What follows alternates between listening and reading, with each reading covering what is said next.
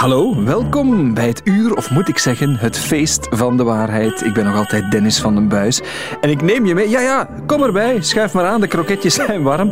Ik neem je dus mee op een zoektocht doorheen het eindejaar. Want hoe fake zijn de eindejaarsfeesten? En dan heb ik het niet over dat nieuwe gekochte uiterlijk van tante Tatjana, of het haarstukje van onkel Jos. Zelfs de kerstboom van de bomma ontsnapt aan onze loep. Of die vals is of niet, dat gaan we niet nagaan. Maar wel of de mensen die zeggen dat ze je graag zien, of ze dat ook wel doen. De pakjes die je krijgt, zijn die echt of fake? Namaak of origineel? En op ons bord, hoe wild is dat wild? En die sliptong, is dat wel echt wat er beweerd wordt op het pakje? Dat en veel meer ontdek je in deze eindejaarsspecial van het Uur van de Waarheid. Welkom. Het Uur van de Waarheid. Misschien betekent kerst voor te veel mensen gewoon cadeautjes krijgen. Ik heb, er staat hier een kerstboom in de buurt van onze studio trouwens. Ik heb daar een pakje van onderuit gehaald. Ik ga het nu open doen. Ik heb ook uh, bezoek aan onze Feest van de Waarheid tafel. Lien Meuris is bij mij van de FOD Economie. Hallo. Lien, goedemorgen. Je hebt een pakje voor mij meegebracht. Ja, klopt. Mag ik het uitpakken? Zeker. Goed, we gaan dat doen. Het is de tijd van het jaar natuurlijk. Hè? Ja, dat is zo. En oh la la, het is nog een duur cadeau ook, denk ik. Het zijn van die ja, draadloze oortjes. Uh, Apple Pro of AirPods Pro. Ja, dat zou je toch denken op het eerste zicht. Hè? Oei, moet ik niet dankjewel zeggen tegen jou? Je mag dankjewel zeggen, maar of je achteraf nog blij gaat zijn. Dit, dit is geen goed cadeau. Dus. Het is geen goed cadeau. Moest het echte zijn, zou het wel een goed cadeau zijn, natuurlijk. Het zijn namaakoortjes. Deze zijn de namaakoortjes, ja. Met alle respect, maar als ik dat voel, dat is dat witte vierkante pakje, dat, dat voelt zwaar, dat ziet eruit, goed ingepakt, het Apple-logo. Blijkbaar is het een trend om dit dan als namaak te verkopen, merken jullie? Ja, dat klopt. We hebben afgelopen jaar heel wat van die oortjes en laders ook in beslag genomen. En die worden zo goed nagemaakt dat je als consument eigenlijk het verschil bijna niet kan zien met echte oortjes. Ja, heb je daar cijfers van? Hoe, hoe groot is het probleem met deze oortjes in België op dit moment? Wij hebben er dit jaar al 28.240 in beslag genomen. Wow. Dat, dat, die gewoon in de handel verkocht worden dan? Die in de handel al verkocht worden of die bij leveranciers in hun depots of zo staan. Maar in totaal zijn er 28.000, ja. ja. Ehm, maar ik als consument, hier staat echt design by Apple in California, made in China. Dat ziet er echt uit, met zo'n beveiligingsstrip ook. Dat is de bedoeling, hè? Ja, maar hoe, hoe weet ik dat nu als ik dit krijg onder de kerstboom, of het echt is of niet. Ja, het is echt heel moeilijk. Er zijn een aantal dingen waar je op kan letten. De winkel waar je het koopt bijvoorbeeld kan wel al een indicatie geven. De prijs waaraan het verkocht wordt kan een indicatie geven. Je had nooit voor 20 euro zulke oortjes kunnen kopen. Nee, maar dat, zegt, dat zeggen mijn, mijn geliefden niet als ze dit aan mij geven. Dat is waar, maar dat zijn dan jouw geliefden die daarop moeten letten natuurlijk. Oké. Zeg, eh, je hebt nog wat eh, dingen meegebracht. Um, ja, ja. dankjewel moet ik, hoop ik te mogen zeggen. Hugo Boss, The Scent, 100 milliliter, nog iets van van uh, Hugo een, een, uh, een andere geur. Ja, dit is parfum in mooie pakjes. Dit ziet eruit... Ik heb ook thuis Hugo Boss en dat ziet er zo uit. Ja, net zoals de oortjes. Hè. Ze lijken heel echt te zijn, maar ze zijn het niet. Allee, en, en hoe weten jullie dit? Want dit is bijvoorbeeld nog zelfs niet opengedaan. Dat zit in dat cellofaantje. Ja, het is net het cellofaantje dat eigenlijk een indicatie kan geven. Als je goed kijkt naar de verpakking, dan zie je dat dat handmatig is vastgeplakt geweest op de zijkant. Dat de verpakking, de plooitjes niet helemaal perfect zijn. En eigenlijk een merkproduct gaat altijd zijn, ervoor zorgen dat zijn product perfect in orde is. Mhm. Dus als je kleine defocus ziet aan een merkproduct, uh, ja, dan weet je eigenlijk al dat het, uh, dat het vals kan zijn. Ja, jullie zien dat, uh, maar dit is dus wel te koop in België. Ja, wij hebben die uit de handel genomen, maar het zou kunnen dat je er nog tegenkomt natuurlijk. Hè. Ja, is dat dan ook gevaarlijk? Of, of is het gewoon echt goede namaak? Uh, alle namaak is om te beginnen illegaal, dus het mag niet. Maar heel wat namaak is ook gevaarlijk, omdat het van slechte kwaliteit is. In dit geval parfum bijvoorbeeld kan vlekken veroorzaken op je kleren, maar het kan ook een allergische reactie opwekken bijvoorbeeld, want daar zitten natuurlijk stoffen in die niet gecontroleerd zijn. Ja, ja, dit is ook op dat vlak vals. Er is geen enkele controle op Er is geen enkele controle, nee. En, en met die oortjes bijvoorbeeld, is dat ook gevaarlijk? Of andere elektronica? Elektronica kan zeker ook gevaarlijk zijn. Daar kunnen kortsluitingen in gebeuren of die kunnen in brand schieten. Als je soms hoort, er zijn laders in brand geschoten. Als de gsm s'nachts wordt opgeladen. Met zo'n namaaklader kan je dat al veel sneller voor hebben, omdat die ook niet getest worden natuurlijk. Oké, ik, ik dacht dat ik blij moest zijn met cadeautjes. Het is een cadeau, ik heb het van jou gekregen waar ik daar nog meer vragen over heb. Love Sex Durex Pleasure Max. Ja. Uh, ja, met ribbeltjes en alles. Uh, Lien, dank je wel alvast. Uh, maar ik ga het ook moeten teruggeven, denk ik. Ja, ik zou het toch ook doen. Die, we hebben afgelopen jaar een aantal dossiers gehad waarin we heel wat condooms hebben in beslag genomen. Nagemaakte Durex-condooms.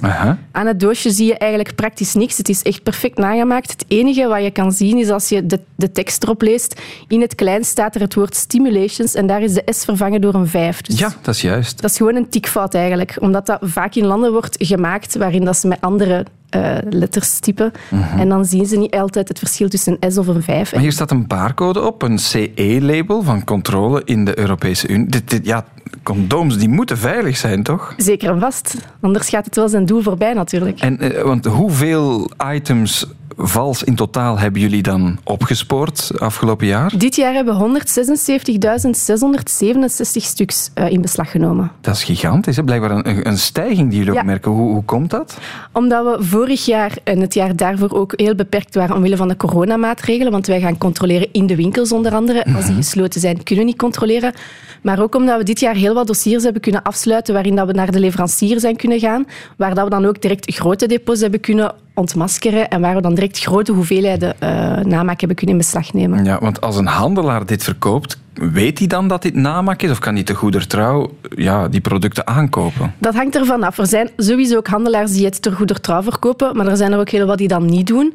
Bijvoorbeeld uh, het, wat we ontdekt hebben afgelopen jaar bij de oortjes die jij ontvangen hebt. Mhm. Daar wordt gebruik gemaakt van een dubbele verpakking. Het principe is dat zij die in een andere verpakking steken zonder merknaam erop. En ja, zo dus, in dus ik zie die Apple-verpakking, maar die wordt verhandeld met een ander hoesje rond. Ja, dus als die naar de winkel komt van bij de leverancier of als die geïmporteerd wordt, dan wordt daar een ander hoesje rondgezet, waardoor het bij de controles niet opvalt dat dat eigenlijk een merkproduct is dat wordt verhandeld. Ja, onze kerstboom lag vol, want je had van alles bij. Ook hier valse Lego met een Chinees logo. Eh, je hebt ook een jas meegenomen, een dure merkjas, ja, een winterjas. Heel, een, duur, een, dure jas van uh, Moncler. Mhm. Eh, ook daar zie je op het eerste zicht niet echt een, vers, een verschil met het echte merk.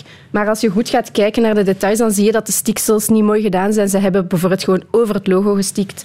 Uh, de ritsen gaan niet goed open en toe. En eigenlijk weet je, bij een merkjas kan dat gewoon ook niet. Nee, dus daar moet je, moet je op letten. En de prijs, kan ik me voorstellen, zal ook een indicatie zijn. Dat kan een indicatie zijn. Hoewel er ook winkels zijn die durven valse namaak te verkopen voor de echte prijs, om zo nog meer ja, ja. het idee te geven dat het echt zou Dus in plaats van eerst te juichen en blij te zijn, als we een cadeautje gaan krijgen binnenkort, eerst met de loop op alle, alle stiksels gaan Ja, er is natuurlijk heel veel echt, echt materiaal hè, onder de kerstboom, dus we gaan niet zeggen dat alles namaak is, maar het is zeker uh, wel belangrijk om, om er uh, aandachtig voor te zijn. Ja, en wat nu? Want je hebt een hele zak mee met van die producten. Wordt dat, wordt dat vernietigd? Gaat dat naar goede doelen? Hoe, hoe moet ik me dat voorstellen? Uh, goede doelen zou zeker geen goed idee zijn, gezien dat dat slechte kwaliteit en soms ook gevaarlijk. Dus dat gaan we zeker niet doen.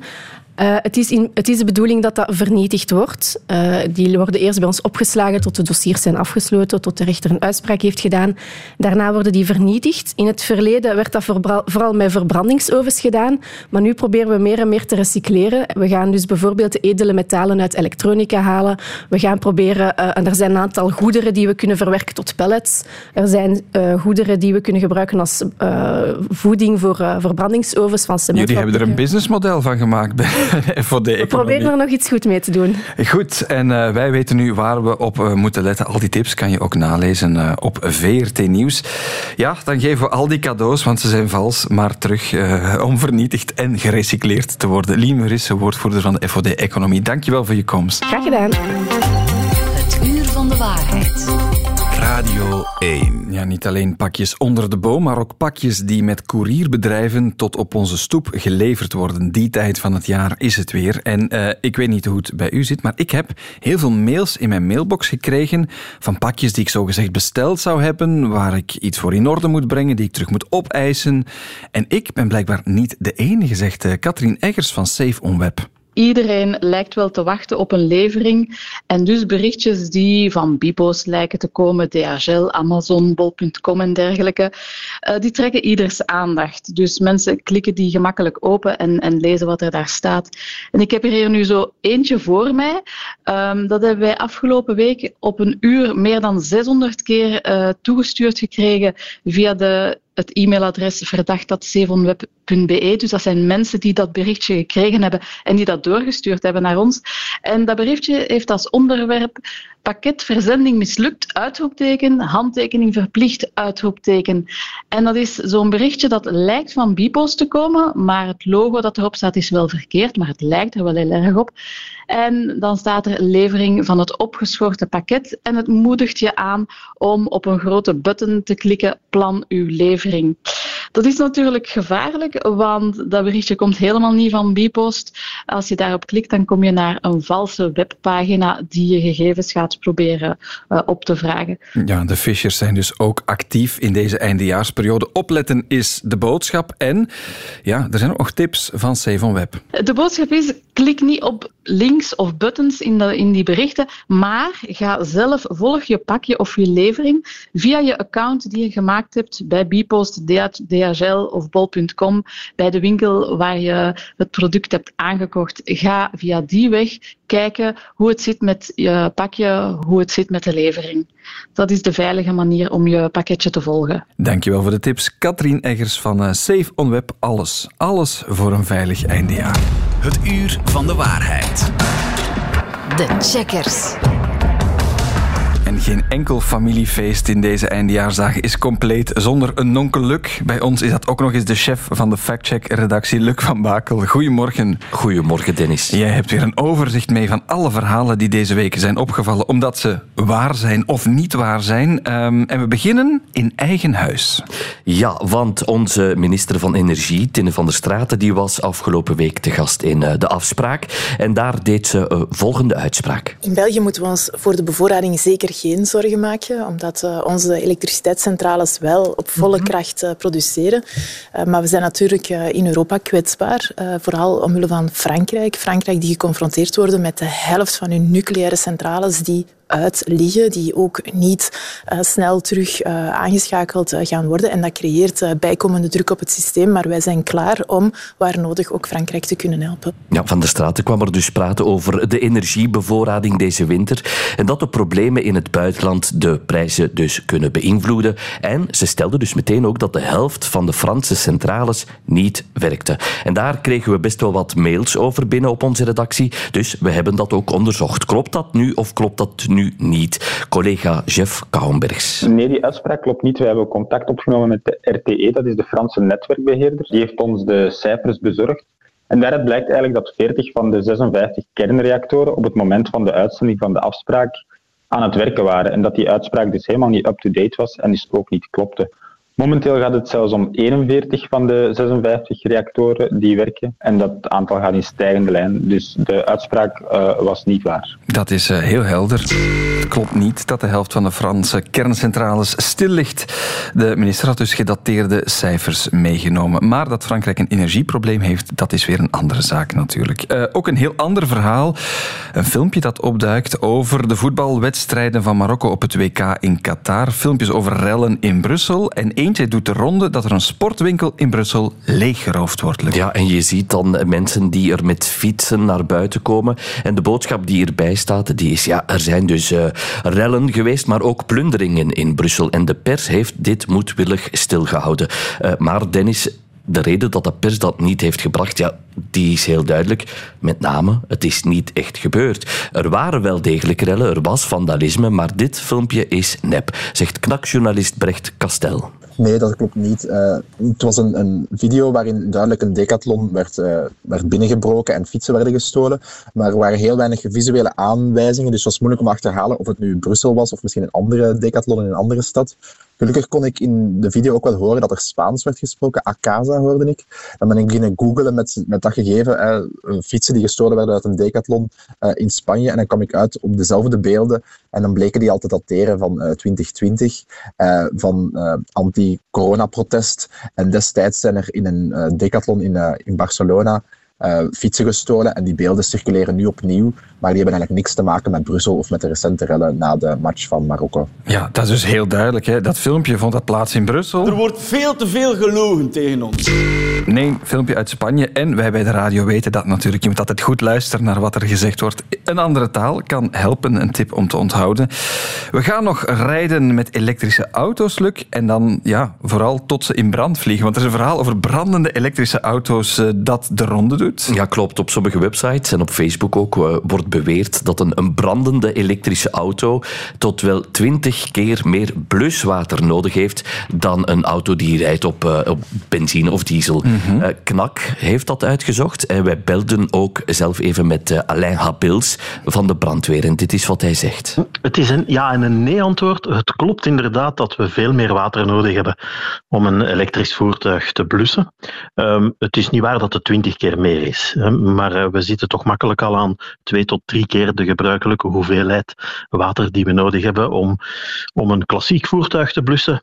Um, en dat heeft vooral te maken met het feit dat er uh, nadat het voertuig effectief, dat de vlammen neergeslagen zijn, dat het voertuig gedoofd is, dat er dan nog een, als het batterijpak um, bij betrokken is bij de brand, dan moeten wij dat voertuig ook nog koelen.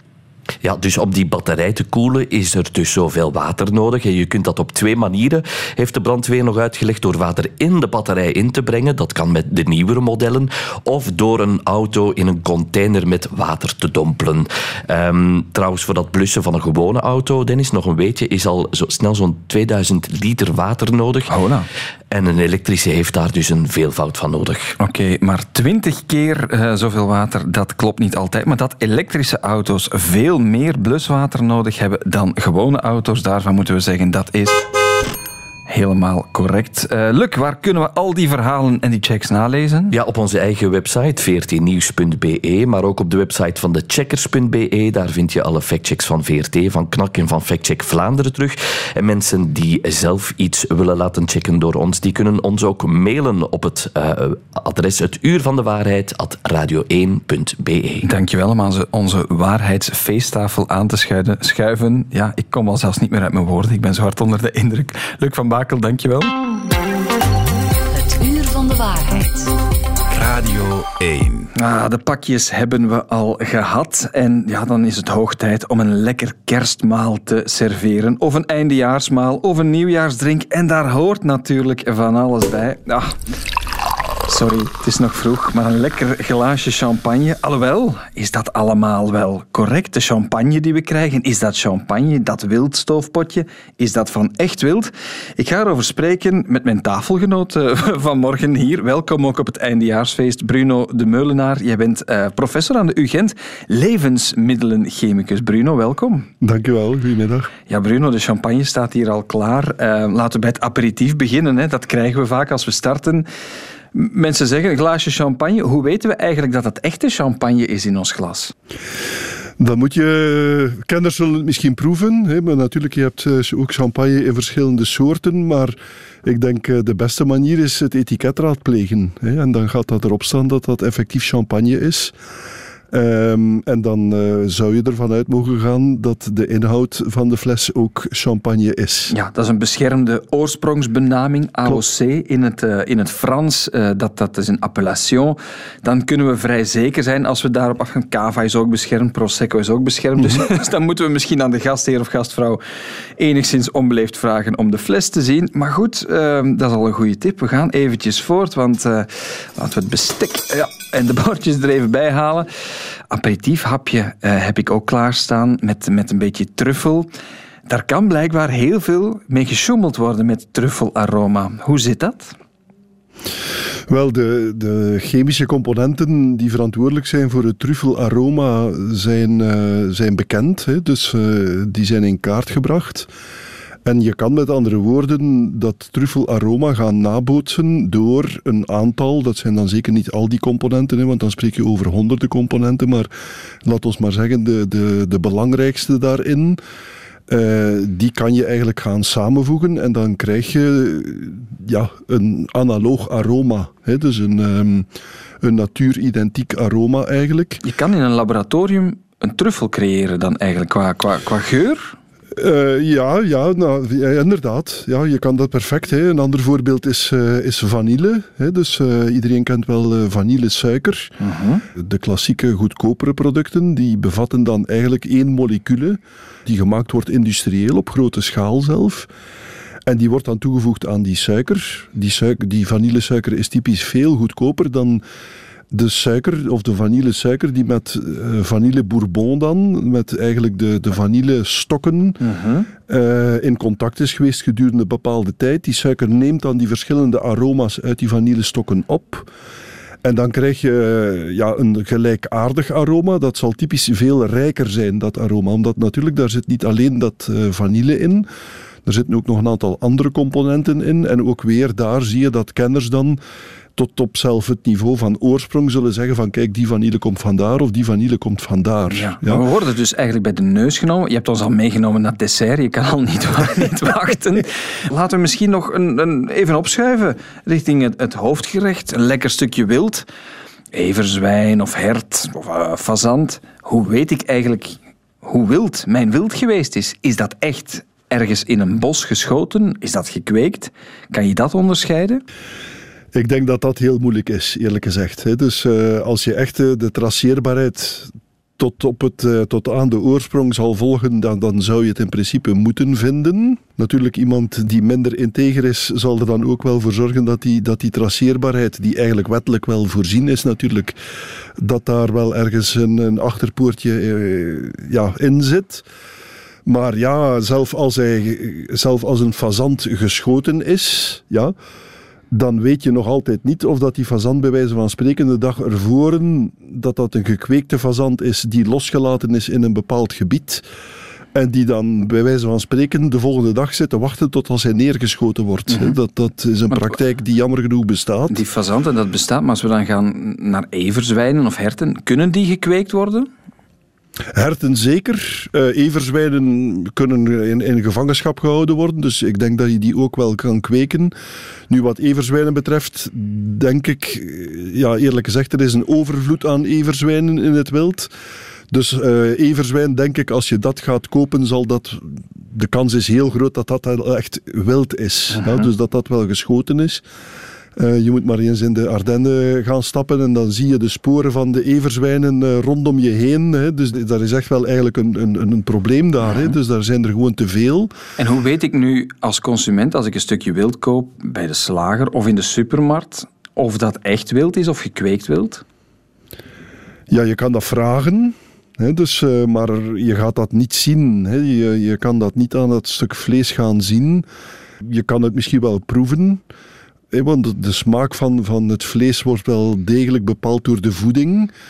Maar goed, als je dan uh, de voeding van de dieren in gevangenschap gaat aanpassen, ja, dan ga je dat ook weer moeilijker gaan smaken. Hè. Dat is echt niet zo gemakkelijk, denk ik eigenlijk. En, en als er vis of een vispannetje of, of uh, ja, tongrolletjes op uh, het menu staan, moeten we dan op onze hoede zijn? Dat is dan weer een ander verhaal. Hè. Dus ook daar, als je de vis intact koopt, ja, dan is het moeilijk. Ja. Of zeer moeilijk zou ik zelf durven zeggen. Als, als je filets koopt, mm -hmm. ja, dan wordt het al een ander verhaal. Hè. Een klassieker, denk ik, is de zeetong en de tongschar. Ja, dat zijn twee verschillende vissen. Die filets die trekken goed op elkaar.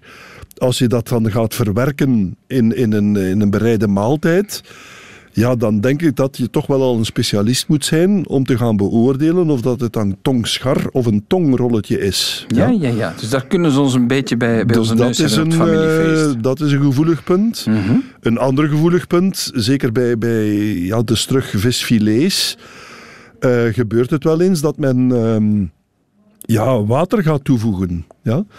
In, in die filets? Uh, ja, en dat is eigenlijk niet zo, niet zo moeilijk. Hè. Dus, dus uh, je kan die filets gaan onderdompelen in een, in een waterige oplossing met bijvoorbeeld carbonaat in. Daardoor gaat de pH van het eiwit of van de vleesfilet een beetje omhoog gaan en gaat het waterbindend vermogen van die, van die eiwitten gaat toenemen. Dus met andere woorden, dan ga je een aantal procenten water meer gaan toevoegen aan die filet. Natuurlijk is het ook zo dat het watergehalte van vis dat schommelt. Dus dat, dat is niet dat dat constant is. Dat schommelt gedurende het seizoen. Dus met andere woorden, je hebt een bepaalde vork waarin dat, dat watergehalte varieert. Mhm. Ja?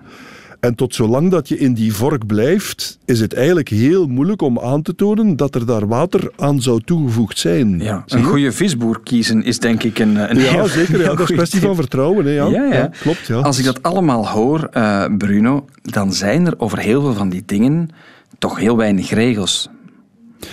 Eh, dat klopt wel, ja. Dus eh, natuurlijk, je hebt, je hebt ehm, ja, zaken zoals traceerbaarheid, dat is al een beetje aan bod gekomen. Ehm, een, een primaire zorg van de overheid en de wetgever is voedselveiligheid. Dus, dus we gaan er toch vanuit dat als je voedsel koopt, dat dat veilig is. Er bestaan een aantal regels over specifieke voeding. Denk aan olijfolie. Ja, daar bestaan toch wel duidelijke regels over om, om die authenticiteit te borgen. Mayonaise is een ander voorbeeld. Dus als je mayonaise koopt met eieren in, dan is het minimumgehalte aan eieren is, is vastgelegd. Ja. Als je gehakt koopt, daar bestaan ook regels voor. Dus dat daar niet te veel bindweefsel mag in verwerkt worden. Maar voor heel veel producten bestaat dat niet. Ja, als er geen regelgeving bestaat, wordt dat ook niet door de wetgever altijd of wordt niet gecontroleerd. Ja? Omdat er ook heel dikwijls ook geen, geen issue is naar voedselveiligheid. Zie je? En dus moeten we eh, het maar stellen met bepaalde benamingen. Ook al zijn ze veilig, dat wil nog niet zeggen dat het altijd even kosher is, onthoud ik. Eh, wat ga je zelf eten met kerst, eh, Bruno, of met het eindejaar? Met kerst eten wij traditioneel een lamsbout. Oké, ik hoop dat je die goed gaat eh, traceren. Bruno de Meulenaar, eh, professor aan de UGent, die alles weet over levensmiddelen en de chemie daarachter. Dankjewel om aan onze feesttafel te komen. Graag gedaan, met plezier. Smakelijk. Radio 1. Het uur van de waarheid. Terwijl het eindejaarstof neerdwarrelt, moeten we toch vaststellen: het is weer die tijd van het jaar dat we onszelf massaal bedriegen. Ik denk dat het de grootste vorm van collectief zelfbedrog is. De goede voornemens, want elk jaar weet je eigenlijk op voorhand, het gaat mislukken, maar toch lijken we dat elk jaar rond deze tijd vergeten en maken we onszelf allerlei beloftes of maken we ons iets wijs. Hoe komt dat? Ik ga erover spreken met Servaas Benger, huis- en sportarts, die over dat mechanisme een heel boek heeft geschreven. Klik, of De Klik heet dat. Servaas, een heel goedemorgen. Goedemorgen, Dennis. Heb jij zelf trouwens goede voornemens gemaakt al?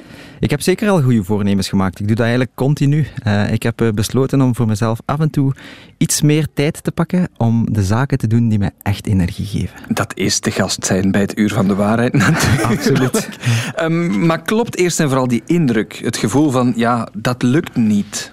Ja, zeker en vast. Uh, weet je, ik zit nu al een tijdje in de gezondheidsinformatieoverdracht, om het maar zo te noemen. En uh, we weten eigenlijk allemaal wat we moeten doen. Maar als je dan toch kijkt naar de cijfers, dan zie je dat we toch ongezonde keuzes blijven maken. En eigenlijk niet de gelukkigste versie van onszelf zijn. En dat is een beetje, ja, dat is een beetje vreemd. Uh, en als je dan praat met mensen die, die geslaagd zijn om, om die gezonde doelstellingen te halen, of andere doelstellingen om hun beste zelf te worden, zeg maar, dan zeggen die heel vaak, op een bepaald moment heb ik de klik gemaakt. Mhm. En ik vond dat zo'n interessante uitspraak, dus ik ben een beetje gaan zoeken, een beetje gaan studeren en de psychologie gaan grasduinen, om te kijken, wat is dat nu precies, die klik maken? En zouden we dat kunnen ja, nabootsen en op papier zetten, zodanig dat dat makkelijker wordt. Ja, dus er bestaat een mechanisme om ons toch te doen slaan, of te doen slagen liever in die goede voornemens. Mm -hmm. uh, want, want de cijfers in jouw boek, ja. uh, uit onderzoek blijkt dat een kwart van de goede voornemens binnen de twee weken faalt. Ja. En op lange termijn zelfs minder dan 10% van die mensen volhoudt als het gaat ja. over bijvoorbeeld gaan fitnessen. Hè? Dat, is, voilà. dat is een klassieker. Men heeft, en men heeft daar echt onderzoek naar gedaan. Hè? En, en men heeft daar ook verschillende redenen voor gevonden. Uh, een van de redenen is, is heel vaak dat we te veel hooi op onze vork nemen. Dat we te veel tegelijkertijd willen veranderen. Een tweede reden is bijvoorbeeld dat we als we een, een gezondheidsdoelstelling of een andere doelstelling formuleren, dat we dat heel vaak in een negatieve vorm doen. Dat we zeggen, ik ga geen koekjes meer eten, bijvoorbeeld. Uh, als je een doelstelling positief formuleert, is de slaagkans eigenlijk al veel groter. Mm. Als je zegt van, ik ga meer fruit eten, dat is een makkelijkere doelstelling dan ik ga minder koekjes eten. Ja. Omdat uh, ons, ons brein kent geen negatie. Een ander, een ander voorbeeld dat ons helpt om een doel te doen slagen, is bijvoorbeeld ook om te zeggen van ik ga mijn doelstellingen delen met anderen. Als je een doelstelling deelt met je familieleden of met uh, collega's op het werk, dan gaan die mensen u accountable houden en gaan die eigenlijk ervoor zorgen dat je makkelijker op het juiste spoor blijft. Als je dus, dan een foutje maakt, word je daar een beetje over op aangesproken of op de vingers getikt. Ja, het is een vorm van sociale controle eigenlijk. Hè. Ja, ja dat, is al, dus, dat is al een goede tip. Ik hoorde jou ook al zeggen, ik maak constant goede voornemens. Niet alleen in deze periode. Mhm. Ja, want we zijn als mens nooit af natuurlijk. Hè. Uh, we, ik geloof dat de kunst van een, van een mooi leven zit in, in een soort continue groei. Uh, en elke dag komen we situaties tegen die ons leren van, ah shit, hier voel ik mij precies nog niet zo goed bij. Hoe komt dat? En als je dan eigenlijk een beetje aan introspectie doet en gaat kijken naar jezelf, dan kan je eigenlijk continu groeien. En ik denk dat een van de mooiste dingen in het leven is het feit dat we continu kunnen groeien. We zijn, we zijn dat, niet... dat, klinkt, sorry Servaas, voor velen misschien wat zweverig Mhm. of wat, wat positivistisch, utopisch, maar jij hebt dat ook concreet gemaakt, die klik, de Mhm. klik. Hoe beginnen we daaraan? Stel, we hebben opnieuw het goede voornemen om sportiever te gaan zijn komend jaar. Hoe zorgen we ervoor dat dat in 2023 wel gaat lukken?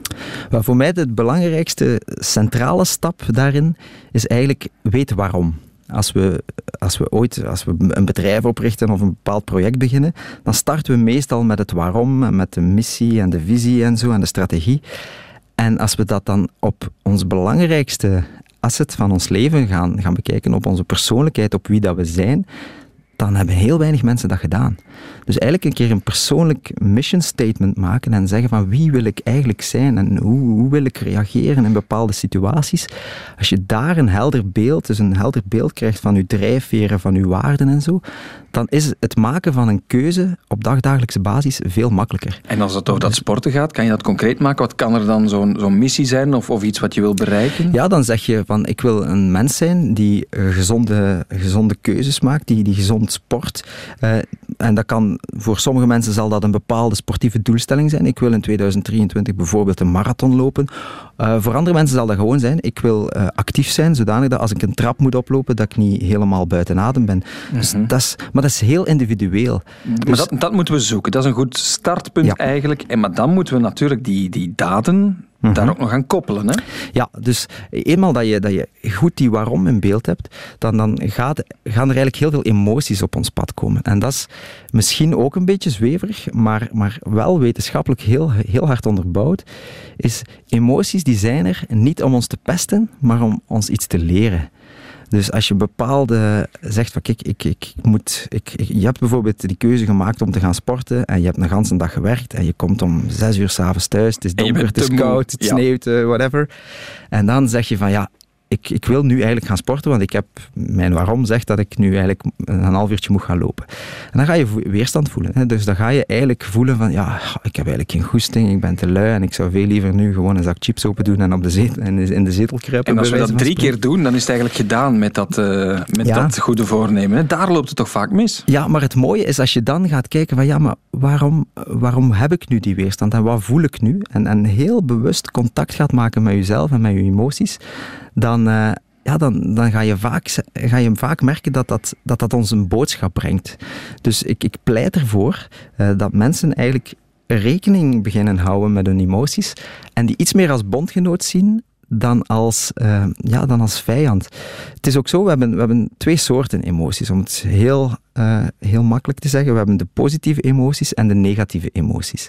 Positieve emoties, als je je gelukkig voelt op een feestje en je, je voelt je echt goed, dat zijn emoties waar dat we vaak niet veel weerstand gaan aanbieden. We gaan die toelaten, we gaan die omarmen, met als resultaat dat die emoties ook heel snel zullen voorbij zijn. Dus die gaan, emoties gaan altijd voorbij. Negatieve emoties gaan ook voorbij, maar het probleem daar is dat we er ons heel hard tegen gaan verzetten. Als je somber voelt, als je verdrietig voelt, als je kwaad voelt. En hoe overwin je, dat dan? niet. Door het gewoon toe te laten. Ik denk, daar zijn verschillende... Er staat Maar dan ga je toch weer niet sporten? eh, nee, maar dat, eh, dat, dat, dat hoeft misschien ook niet. Eh, door het eens toe te laten en te zeggen van kijk, ik, ik ben vandaag nu mild voor mezelf en ik ga niet sporten, dan ga je eigenlijk dieper bij jezelf komen. Dan ga je zeggen van kijk, eigenlijk staat het haaks op mijn waarom dat ik nu vanavond niet ben gaan sporten, dus de volgende keer ga ik het gewoon doen. En dan kun je van die kleine trucjes gebruiken en dat is dan eigenlijk het derde punt, dat is dan actie ondernemen en je actiesysteem hacken.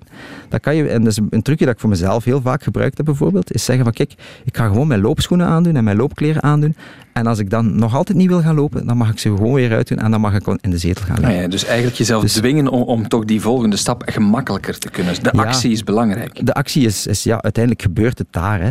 Eh, weet je, heel vaak denken we dat we eerst moeten gemotiveerd zijn om een bepaalde actie te nemen. Maar het is eigenlijk omgekeerd. Als we een bepaalde actie nemen, ontstaat meestal de motivatie. Als ik Ja. eh, op, een, eh, op een winterse zondagmiddag besloten heb om mijn mails te doen en ik ben het altijd maar aan het uitstellen omdat er misschien veel interessantere dingen op TikTok of op Instagram te vinden zijn. Eh, ja, door dan gewoon te zeggen van Servaas, ik ga nu gewoon 10 minuutjes aan die mailbox zitten, zodanig dat die leeg is, dat je de week met een rustig hoofd kan starten. Ja, dan ontstaat vaak de motivatie om verder te doen en dan heb, je, heb ik eigenlijk op een uur meestal gedaan wat ik, eh, wat ik anders drie, drie uur loop op te tobben en loop uit te stellen. Mhm. Dus eh, ja, just do it. En door die eerste stap te zetten, ga je heel vaak de motivatie creëren om verder te doen. En zo Ja. werkt het ook met bijvoorbeeld te gaan sporten of met een gezonde voedingskeuze te maken. En kleine doelen dan ook, als ik jou zo hoor. Denken we doen 10 minuten en als het goed gaat, ben je toch een uur bezig. Voilà, Eh, break it down. Hè. Ik denk eh, dingen in stukjes kappen. Weet je, als we naar Rome willen, willen gaan, dan moeten we elke stap zetten. Eh, dus als we elk stapje zetten en probeer ook gewoon heel mindful te zijn in elke stap dat je zet door ja, in het moment aanwezig te zijn. En dat helpt dan ook weer als je als je, je emoties een stukje omarmt. Hè. De klik, die moeten we maken. Je hebt uitgelegd hoe bij dit ene concrete voorbeeld, maar er staat veel meer eh, dan alleen die goede voornemens natuurlijk eh, in jouw boek. Het is uitgegeven bij Borgerhof Lambrechts. Je wel om hier op ons feest van de waarheid eh, mee te gast te zijn. Servaas Benjé, dank je En daarmee zit niet alleen het einde van het jaar eraan te komen. Ook deze podcast loopt ten einde. Maar niet getreurd, in de app van VRT Max vind je alle voorgaande afleveringen en nog veel meer straffe verhalen terug. Geniet van het eindejaar, geniet van elkaar. Wees misschien toch op je hoede voor die pakjes en voor wat er op je bord staat. Maar in elk geval, genieten mag. Dat is geen... Fake news. Fake news. Niet alleen het jaar gaat naar zijn einde. Ook deze podcast van het Uur van de Waarheid zit er bijna op. Meer straffe verhalen ontdek je natuurlijk in de app van VRT Max. Wees op je hoede op de familiefeesten. Dat heb ik onthouden als het gaat over pakjes en misschien ook over eten. Maar genieten, genieten mag nog altijd. En dat is alles behalve... Fake news. Fake news. There's never been an innovation that's so easy to do. They used to be lies, now they're alternative truths. So if you fake it with with me, I'll fake it.